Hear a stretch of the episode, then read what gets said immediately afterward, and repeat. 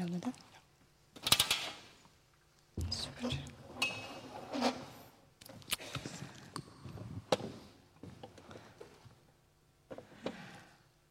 Ja, vi har nå en taleserie som heter Hjem. Kjære hjem. Og hjemmet det er jo arena for mye kjærlighet og de mest sårbare også. Sist søndag hadde vi fokus på mannen, og da har vi i dag fokus på kvinnen. Og eh, hvis du ser her på de powerpointene som kommer nå, så er det tatt direkte ut fra den gangen Martin, som er mannen min, og meg vi, vi reiste rundt på turné på Sørlandet for 15-20 år siden med undervisning om sex og samliv og kjæreste og kjønn og kjærlighet og alt det der for konfirmanter. Og vi syntes vi visste alt. Etter det så slutta vi etter en stund. da. Men her har de tatt ut noen bilder som er direkte fra de gamle slidene som vi brukte. Så jeg tar neste bilde opp Her Her er liksom karikerte bilder på forskjellen mellom mann og kvinne. Her var liksom hjernen, da. Nå er det kanskje litt dårlige bilder, for det er litt gamle. Men hvis du ser på der som gutt, eller mann Du gjenkjenner det her. Så er det liksom bitte lita pil der. Du ser den nesten ikke. Men mellom høyre og venstre hjernehalvdel så er det liksom bare pilen som går én vei. Det er fordi Vi fant jo ut at i hjernen til en mann, når den sender signaler fra venstre, hjernehal, venstre hjernehalvdel, hvor alt det logiske skjer, til høyre hjernehalvdel, hvor liksom følelser og det kreative er satt, så satt, sendte den én vei av gangen. Vi kalte det for analog linje. Mens hos kvinnen, da, så kan du se Der var det toveiskjørt.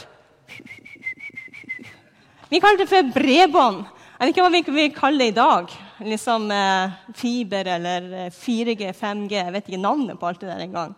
Liksom, det var liksom, og da, Med det så skjønte vi at det er derfor at kvinnen snakker om alt på en gang. Mens mannen snakker om én ting av gangen. Men så har vi jo funnet ut etterkant at det er jo ikke helt holdbart. det der. Fordi hjernen til mannen er nemlig litt større enn hjernen til kvinnen. Og Derfor så kompenserer det, så i praksis har det ikke noen betydning.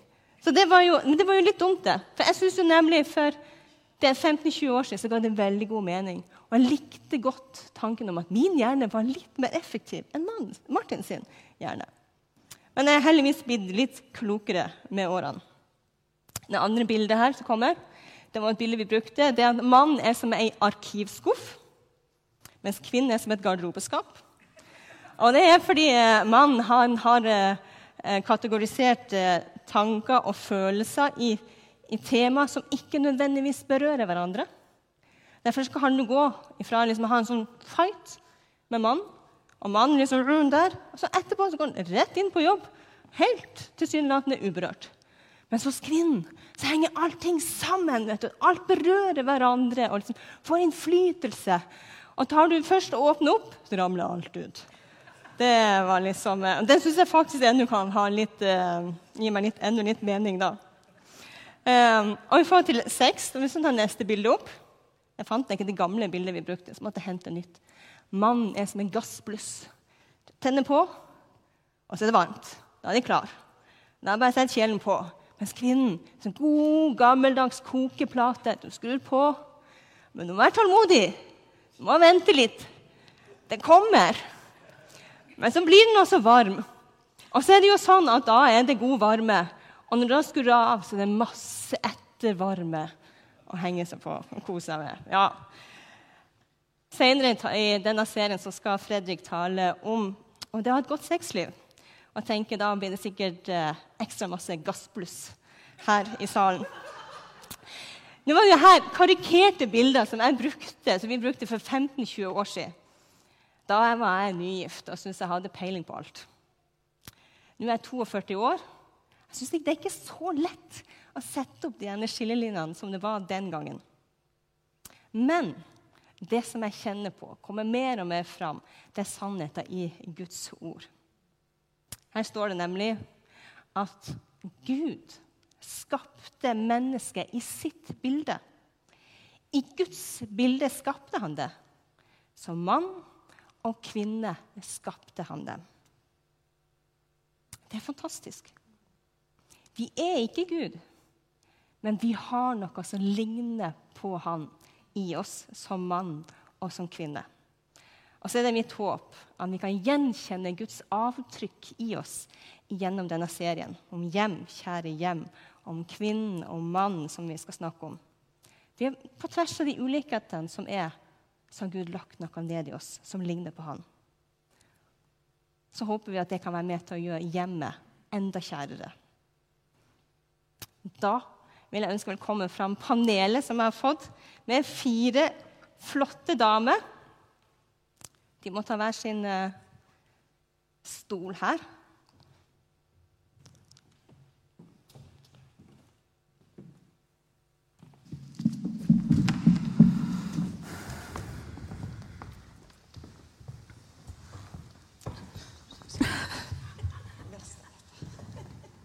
Her var det fint her framme på scenen nå. Det syns i hvert fall jeg. Går an å gjøre sånn. Ja, det var flott. Fire flotte damer. Jeg tenkte det kan jo være at jeg er den nyeste her i forsamlinga. Jeg er den eneste som ikke vet alt. Så da var det lettere at disse fikk lov til å introdusere seg sjøl med navn og alder, og hva er det de har med seg i deres uh, historie. Altså, Du skal ikke ta alt det med en gang. Men uh, en gift, ikke gift, Barn, ikke barn, arbeid og alt det som er en del av deres historie. Tar vi en sånn liten kjapp introduksjon. Det... Skal du starte, Anne? Siden du er nærmest. Ja, ja, det kan jeg gjøre. Eh, jeg heter Anne Kallavik. Så må jeg nesten begynne å telle hvor mange år jeg er. Jeg er 49 år. Eh, jeg er fra Haugesund. Og jeg er skilt for ti år siden. Eh, og jeg har en kjæreste. Eh, og jeg har ingen barn. Og jeg er sosialarbeider og jobber i kriminalomsorgen. Ja, jeg heter Marianne Gonsolt. Eh, jeg er 49. Jeg er fra Karmøy nå, men har bodd her i lenge. Jeg jobber som miljøterapeut på en skole i Haugesund. Um, ja. Hvor mange barn har du? Jeg er gift, har to unger eh, på 15 og 18. Ingrid og Martin. Ja. Supert. Ja. ja. Jeg heter Ester Marie Færås Knutsen. Jeg blir nærmere 57 år. Og er gift med Ida og har eh, tre bonusbarn, altså ingen egne unger. Og er gift for andre gang. Har vært skilt en gang før. Mm. Og jeg bor i Tysvær, Aksdal. Jeg heter Linn Gullav Hovden. Er 34 år, gift. Eh, tre gutter. Eh, hjelpepleier, men jobber som miljøarbeider på Lillesund skole i 50 stilling. Og er 50% ufør. Så flott. Og da lurer jeg liksom sånn, litt inngående første spørsmål. Det er liksom hvilke forventninger opplever dere at det er til dere som kvinne?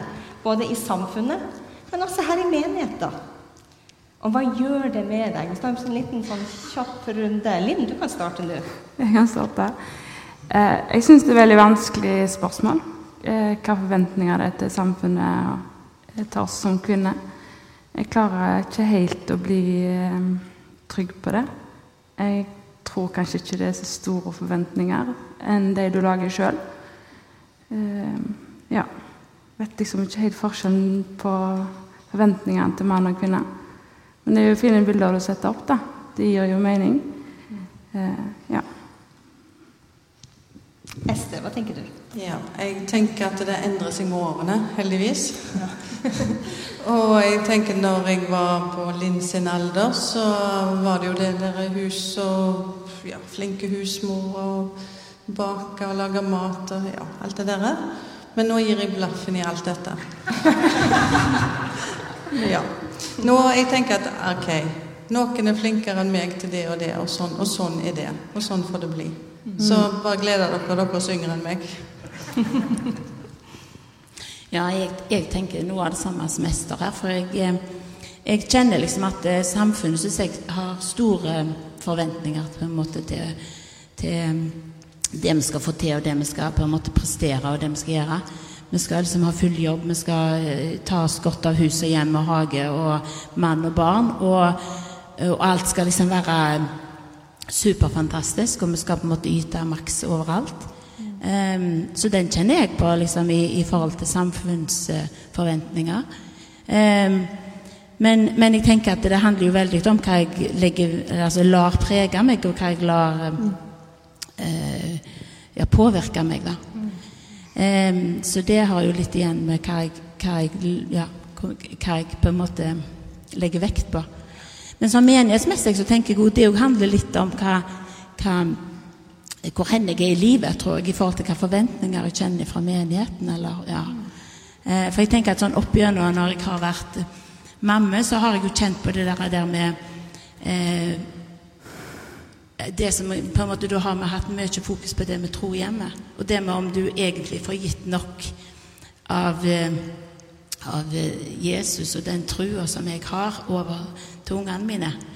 Eh, og det har jo vært mye sånn undervisning om det. og og um, eh, på en måte som bare skal være til hjelp, men allikevel så kjenner du litt på den der at eh, Strekker du nok til, på en måte? Får du gjort nok, da? Mm. Eh, mens nå så, så jeg, eh, kaver ikke sånt med den. Eh, men det tror jeg også handler om at da har du unger, og det er liksom det du tenker på som er viktig. Da, det å formidle videre. Eh, nå kjenner jeg mer på på om jeg er på rett plass, og om jeg blir brukt på de rette plassene. på en måte. Så det handler om litt om hvor henne, tror jeg, både hvor, hvor gammel er vi blitt, liksom, og hvor henne vi er i livet der. Mm. Ja. Ja. Hva tenker du, Anne? Ja. Um, forventninger fra samfunnet, det måtte jeg tenke litt på. Så tenker jeg at eh, det, de forventningene der, det er at jeg eh, skal klare meg sjøl forventninger som, eller har ingen forventninger om samfunnet. At jeg skal ta en utdanning, og at jeg skal ha en jobb. Eh, og så har jeg jo tenkt det i forhold til liksom at det endrer seg jo. I forhold til det å være dame altså, har jeg en oppfatning av at kanskje samfunnet forventer at jeg skal være eh, snille, litt sånn, og ikke ikke lage så mye bråk. Eh, ikke, ikke, ikke være sur og grinete. Ja, ikke være synd. Ja. Men det tror jeg kanskje har endra seg litt. Eh, det var samfunnet, ja. I forhold til kirka så må jeg si at jeg kjenner mye mer på forventninger i forhold til kirka som dame. Og da, da mener jeg kirka, for da skiller jeg på forventninger fra Kirka og fra Gud, for det er helt forskjellig for meg. For i forhold til Kirka så kjenner jeg på en forventning om at jeg skulle være ei dame som var gift, og som hadde barn, eh, og som levde et i hermetegn av fire liv. Eh, og det syns jeg har vært ganske krevende i, forhold til å være i kirkesammenheng. Eh, men allikevel så er det noe med at forventningene for Gud er helt annerledes for meg. For jeg har en Gud som er nådig, og som mm. eh, har skapt meg sånn som jeg er, og er fornøyd med meg sånn, sånn som jeg er. Eh, og derfor så eh, er det viktig for meg å være i kirka. Eh, ja. Tror det var det jeg skulle si. Flott. Fint. Linn, du er hjelpepleier. Mm. Det vil mange si er en sånn typisk kvinneyrke. Det handler om omsorg. Vil du si at kvinner er bedre til empati enn menn? Ja. Eh, så må jeg legge her på at eh, jeg har også videreutdannelse i sykehushelsearbeid, så jeg er veldig stolt av. Så jeg hjelper med videreutdannelse. Eh, ja. Så dette med litt med forventningene som Anne snakket om i forhold til utdannelse, at det, det er viktig at vi ser Gud, Gud ved vår vei. At det handler ikke om utdannelse, men det handler om å søke Han. Mm. Vil bare legge det til. Mm. Ja. Eh, vil si det, ja. Klart og tydelig at eh, vi kvinner er litt kanskje mer skapt Eller Jeg tenker det at vi er skapt mer for å empati. Eh, og så er det ulikt på hvordan vi som kvinner viser den empatiske delen av oss. Eh, men så har jeg en god opplevelse med Jeg har en mann som er også veldig em empatiske, men så er det den der pila som du viste på bildet. Sant? Vi skal ha det ut. Han bærer det inne. Vi er veldig like på godt og vondt. Eh, det kommer noen gnisninger pga. det, og kommunikasjon. Eh, men ja, jeg tror vi er skapt mer for å være litt mer empatiske og vise det. Og du har vært også tydelig på at eh, ja, selv om vi er mer, kanskje har litt mer av det, så kan det bli for mye. Ja. Jeg er jo et levende eksempel på det. Eh, for de fleste som kjenner meg, så har jeg jo den psykiske ustabiliteten med meg i hverdagen.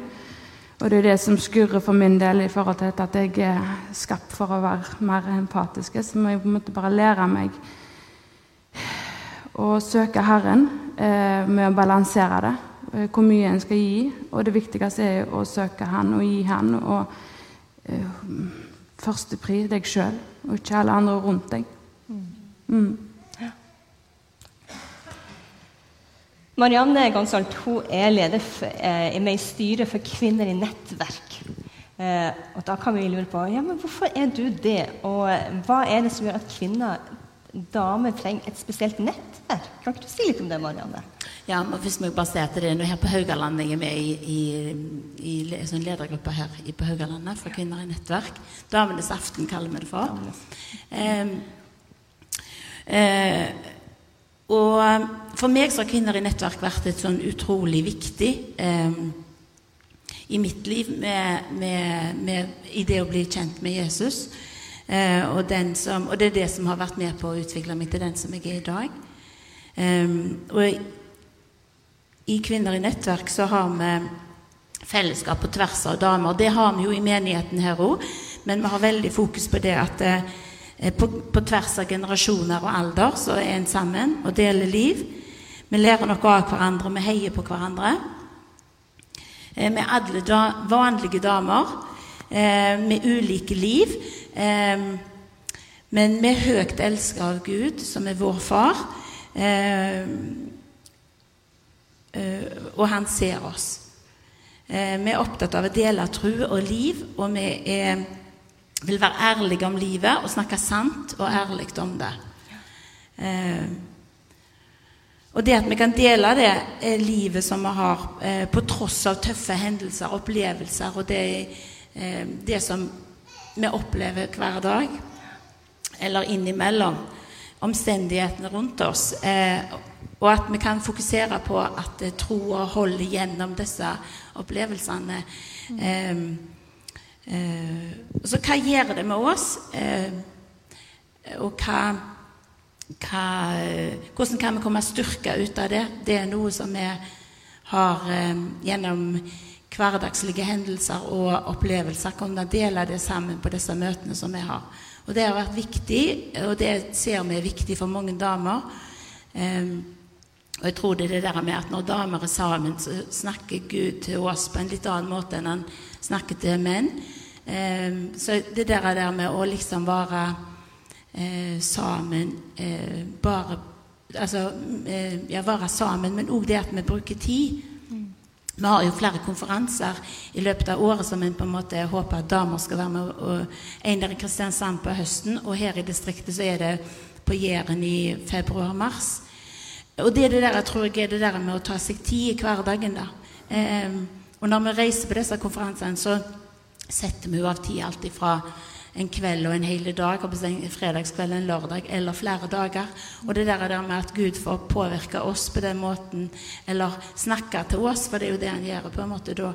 Disse dagene der med å ta seg tid til det, det tror jeg er spesielt. Og det tror jeg er utrolig viktig òg i den tida som vi har, hvor det er så mye som skjer og forventningene er store. Mm.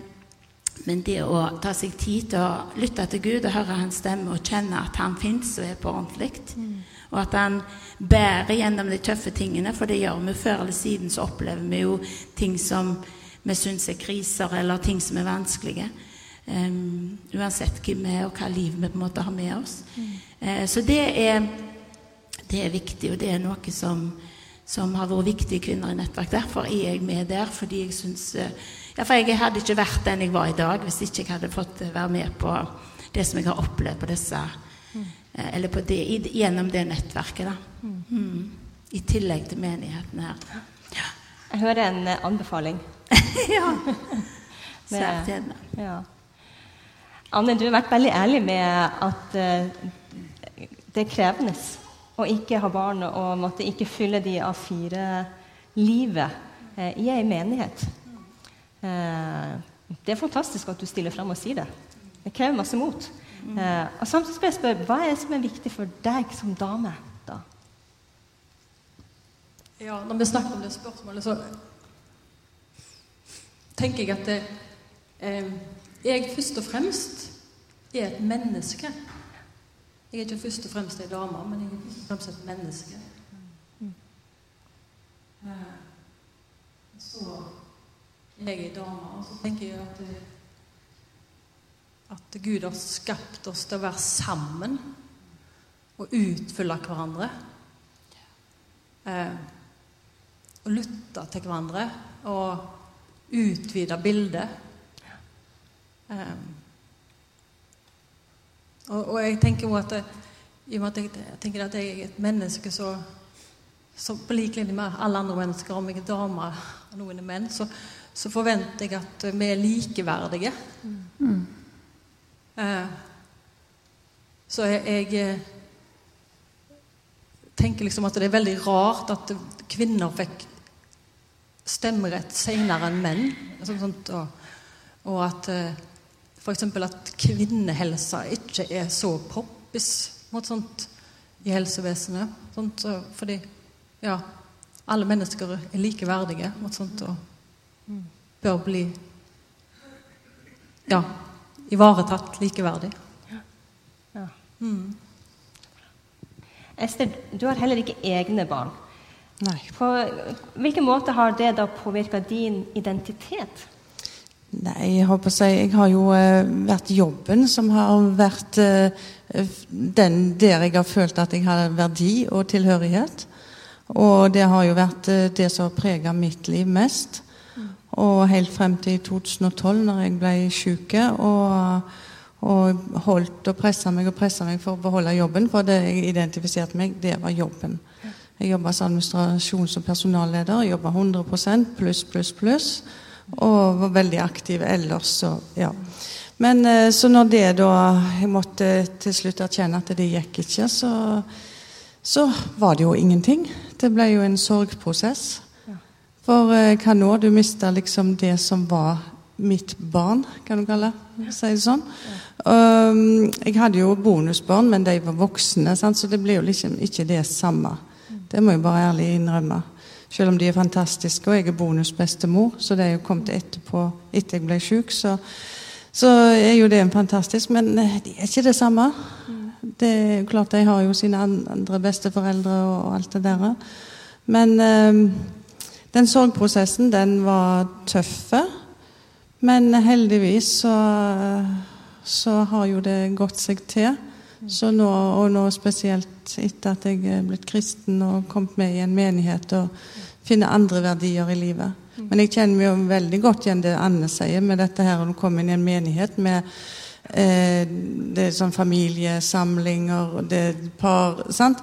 Eh, så noe for bare oss Jeg har jo en mann, da, men han er jo ikke kristen, så jeg er jo enslig i menigheten. Kan du kalle det sånn? Eh, ennå. Håper, håper han kommer etter. Men, eh, men, eh, Så jeg kjenner meg veldig godt igjen det der. Så mm. Hva har troa di betydd for deg i forhold til det med identitet? Og når du mista alt, liksom ikke kunne gå på jobb engang, hva, hva har troa betydd for deg i den fasen? Eller i etterkant av det. Det har jo håper jeg, betydd eh, alt, kan du si. For det, at det er den der tryggheten, og jeg vet at jeg er elska uansett. Og det er mennesket som er, er, det viktige her i det hele. Mm. Og om, når jeg er svak, så er jeg sterk. Mm. Og det er at han løfter meg opp. Så helsa mi har bare blitt bedre og bedre. Så, så det er ikke klar for å jobbe, men jeg er klar for å bidra litt mer her i menigheten. Så det er alfa og omega.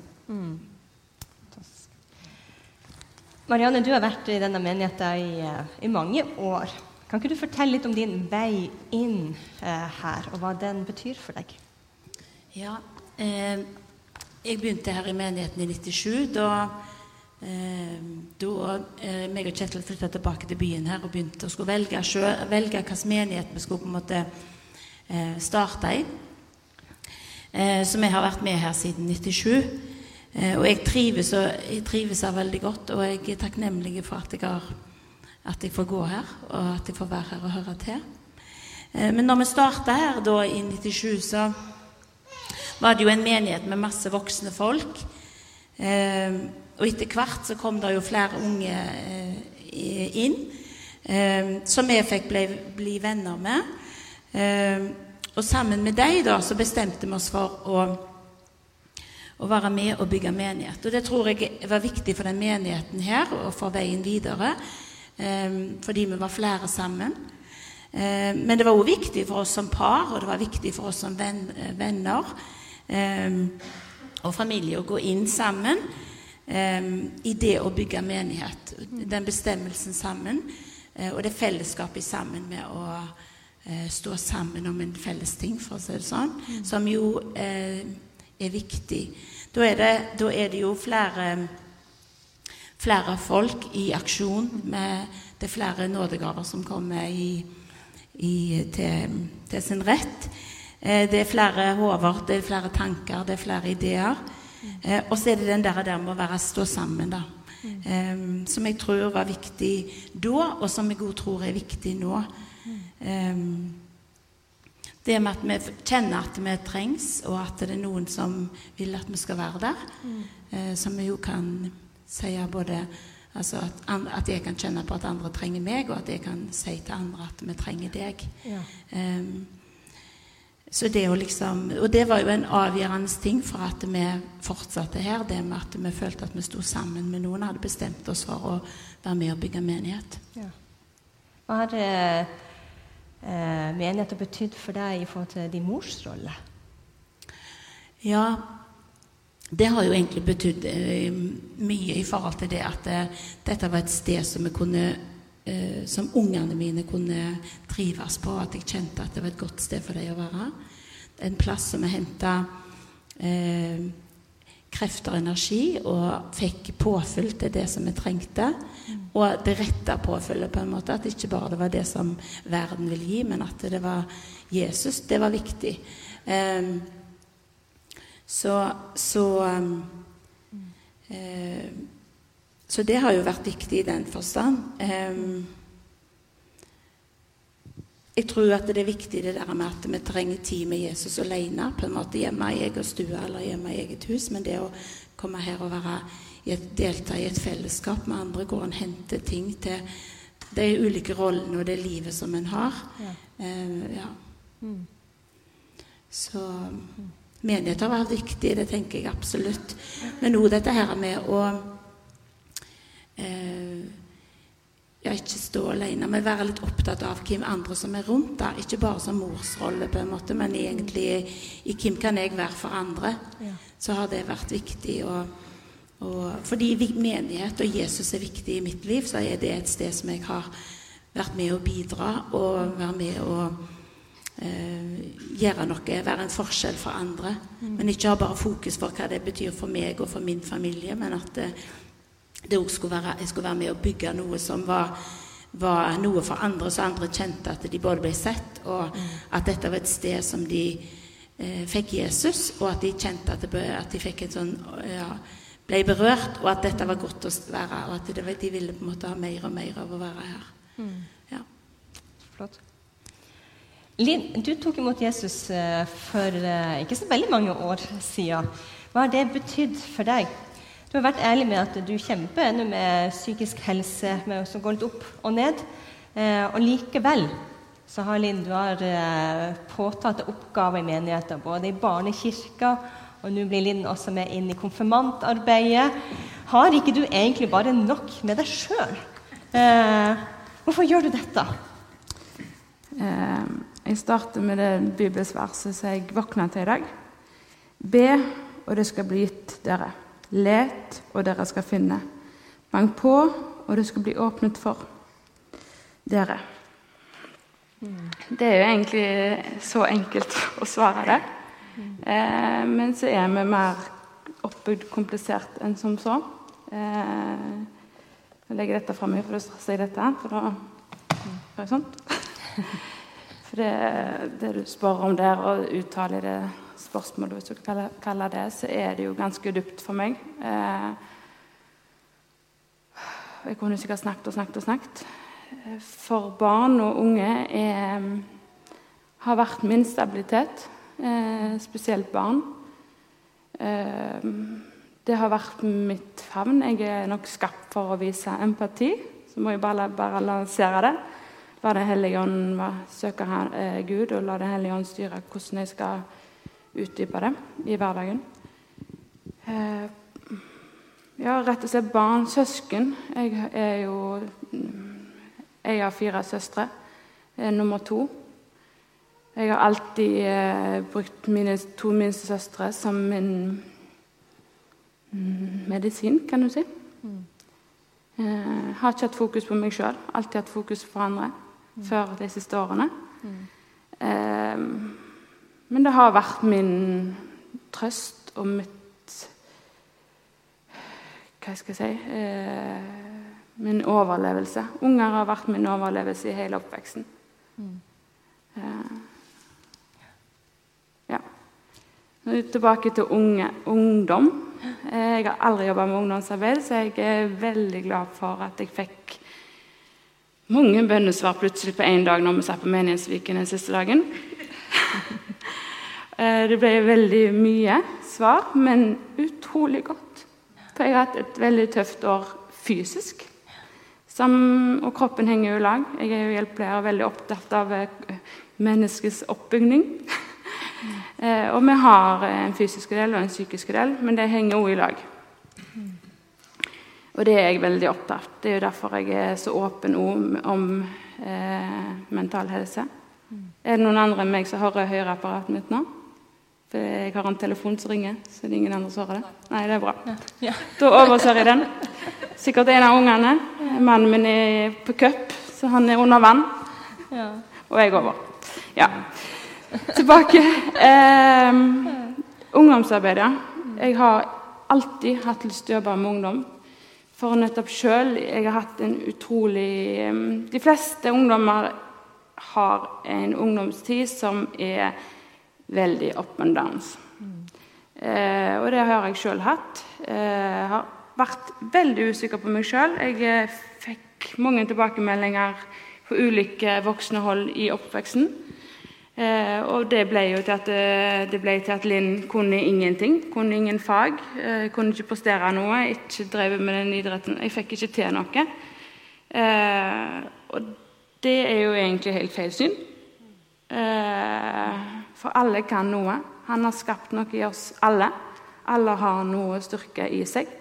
Så er det bare å søke han og ta imot det og gå den rette veien. Eh, så for meg, selv om jeg har en us... Jeg tenker ikke at jeg har mer en ustabil hverdag enn andre. Eh, ikke annet enn når rullegardina går ned. Eh, Bokstavelig talt. Eh, det kan høres litt sånn løyete og komisk ut når jeg sier litt galgenhumor, men det er faktisk ganske tøft eh, når rullegardina går ned. Og det er jo det som gjør det for, at det blir sykdom. For alle har up and down. Alle, det er sånt. og jeg det er derfor jeg er så åpen og ønsker å formidle. fordi Det er viktig at vi har det fokuset. For ting skal ikke bare være perfekt, og vi skal ikke leve etter forventningene om kvinne eller mann. Eh, vi må tåle at vi får et trykk, og at vi må ned i dypet for å kunne fly igjen. Eh, så jeg må jo bare Eller jeg søker jo Når jeg klarer å rette fokuset, da kommer jeg meg opp igjen. Eh, for før jeg eh, tok imot den Jeg har nok alltid vært kristen, og jeg har jo stilt spørsmål opp gjennom både ungdomsåra og tidligere i voksenlivet før jeg tok imot den. Eh, men etter jeg tok gjorde det, og klarer å rette fokuset på han når dagene er tunge, så er det nesten som å knipse.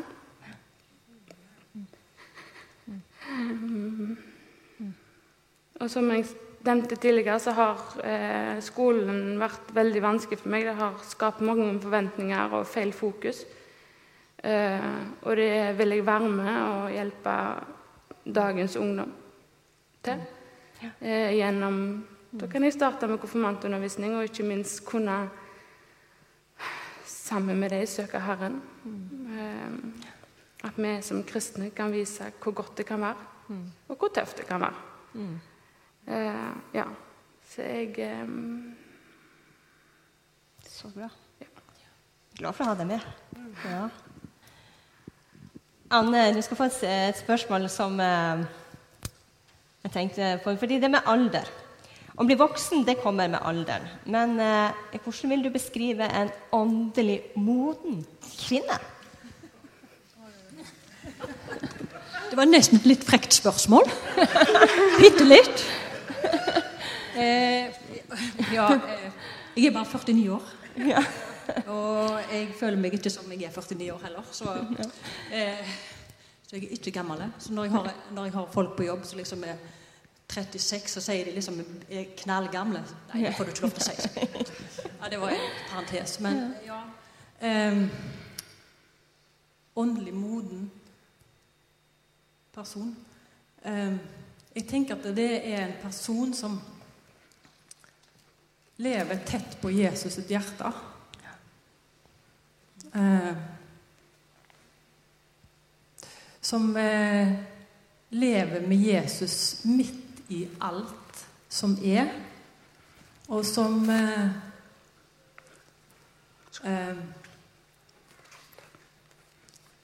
hører Jesus stemme i forhold til når en skal være Jesu hender, eller Jesu føtter, eller Jesu ører, eller Jesu munn, eller bare Jesu hjerte, kanskje.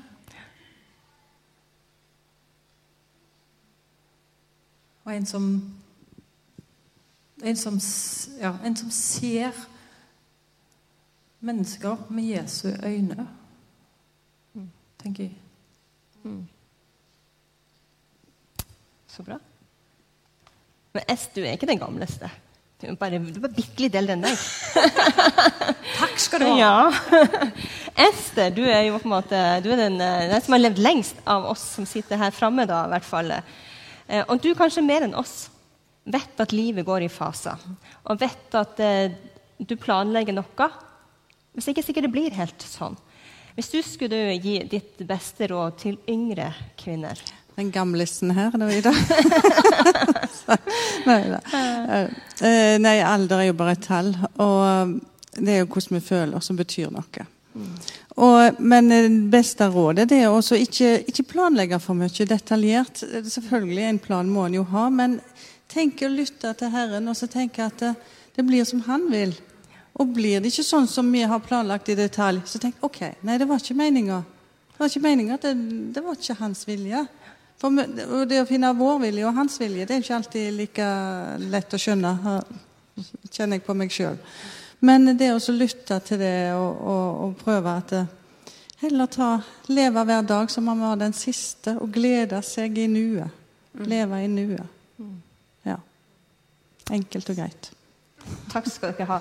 Dere kan klappe for disse damene. Skal de få lov til å gå ned?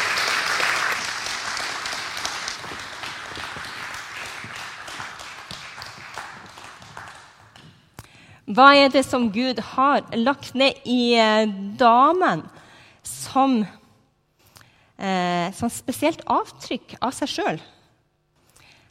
Av hans vesen. Og jeg tror det kan være mange ting vi kan trekke fram. Og det er mange ting som vi ikke har monopol på. Det er ikke fordi Gud har bare lagt det ned i kvinnen. Men jeg tror kanskje er spesielt én ting som har kommet fram i samtale med disse, men også med de mange damer som jeg snakka med i forkant, og som ikke har vært eh, med i denne panelsamtalen, da, så er det én ting som står igjen. Det er nemlig relasjoner. Mennesker. Hvor viktig det er. Og jeg tror at det at det kanskje Det er ikke fordi damen bare er det eneste som har behov for dette. Men kanskje er det noe Gud på en særlig måte har gitt en sånn avtrykk på den måten at vi bærer det med en litt større tydelighet. Kanskje. På generelt grunnlag. Kan vi si det? Kanskje. Og det er fordi Gud er relasjon. Det er fordi at eh, Gud faktisk ikke bare vil bli trudd på, men Gud vil bli elska. Ikke elska pga. alt det han kan gi til oss, for det er den narsistiske religiøsiteten som ligger i oss mennesker. Men Gud vil bli elska for den han er. At vi vil søke han og være sammen med han. Han vil at vi skal lytte til han og regne med han. Og han vil at vi skal stole på han og gi oss sjøl til han. Og selv om han vet alt hva vi trenger, og selv om han også vet hva er det jeg kommer til å be om, han vet hvert ord før det har kommet ut av min munn, så vil han likevel at jeg skal be det. Han vil likevel at vi skal øse ut vårt hjerte for han. Si det vi har på hjertet til han. For livet med Gud er ikke en sånn jukebox eller automat hvor du pling, pling, pling, og så kommer det ut bønnesvar. Men livet med Gud det leves gjennom en sånn dypt kjennskap og relasjon med Han. Og Da er det kanskje ikke så rart at Gud også gir seg til kjenne, ikke bare i den relasjonen vi har til Gud, men den relasjonen vi har til hverandre som mennesker. Og kanskje er det det som kvinnen er spesielt opptatt av. Gjennom oss og fellesskapet vårt så blir Gud synlig. Om Gud berører meg gjennom deg. Så er det vår oppgave og vår utfordring som dame at eh, på, på samme måte som mannen har sine utfordringer, at det å ikke bygge vår identitet i rollene våre og hva vi får til og ikke får til, men hva er det Gud sier om meg? Og la oss hvile i det. Jeg har to utfordringer. Fordi at jeg har Gjennom samtaler med flere andre så er det en ting som er blitt nevnt flere ganger. Altså måtte bare underbygge det med relasjoner, hvor viktig det er.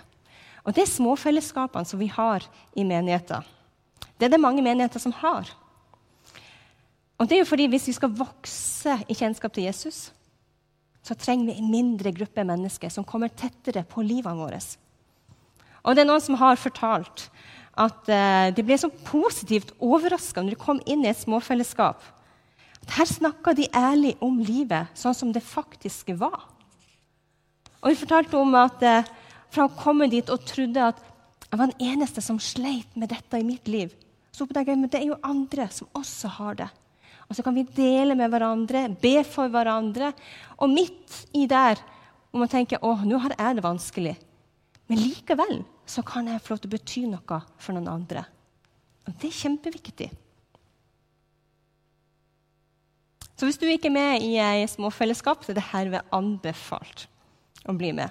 Og det andre er, som ikke kanskje kommer så godt fram her, men som har kommet fram likevel, eh, det er hvordan vi tar oss av de menneskene som faller utafor systemet vårt. Og nå tenker jeg spesielt på de barna som kanskje er Det finnes mødre som er skilt, og som står alene med omsorgen for barna. Og Gud er kjemperadikal på at vår kjærlighet til Han det viser seg i hvordan vi tar oss av de som faller utafor vårt system. Vi er veldig tydelige når vi snakker om eh, at eh, undersøkelser viser at far er kjempeviktig for barnas tro og oppvekst. Og det skal vi fortsatt snakke tydelig om. Men hva da med de damene som står alene med omsorgen for sine barn? Hva gjør det med dem? Det her, om hele tida blir minnet om den veggen i deres familieliv som ikke er der. Her er vi en storfamilie som skal, som Paulus sier, bære hverandres byrder, oppfylle på den måten Kristi lov. Kanskje en spesiell kall ut til deg som er mann. Hva kan du bety for den dama som står alene med omsorg for barn? Fiks en sykkel. Fortell om Jesus. Det er med til å hjelpe hverandre og bære hverandre. Nå har vi snakka masse, og jeg håper at dere som menn også ikke bare tenker her snakker vi bare om damer, men at du tar dette med deg hjem. At du tar det med inn i de relasjonene som du står med, med de damene som betyr noe i ditt liv, og de damene som er i menigheten her. Du kan ta opp troen, og så kan du spørre ganske enkelt hva er viktig for deg? Og hvis du ser Guds avtrykk og dette jo, det ligner jo egentlig på Gud, så kan du si takk for at du bærer det med tydelighet. La oss be. Takk, Jesus, fordi at du kom til oss. Du satt ikke bare langt der oppe og fiksa ting på avstand, men du kom helt tett og nær til oss. Og du gikk i våre fotspor gjennom et liv. Gjennom et helt alminnelig liv så har du kjent på alt hva det vil si å være menneske. Takk, Jesus, fordi at du har medfølelse med oss, både i våre gleder og i våre utfordringer. Og så er du her stadig og minne oss om at du går tett ved sida vår. Så ber jeg om at du skal velsigne spesielt. Hvis det er noen damer som kjenner på at de blitt minnet om noe i deres liv, kjenner at de blir berørt av noen ting som er utfordrende, takk fordi du er tett der og vil trøste, helbrede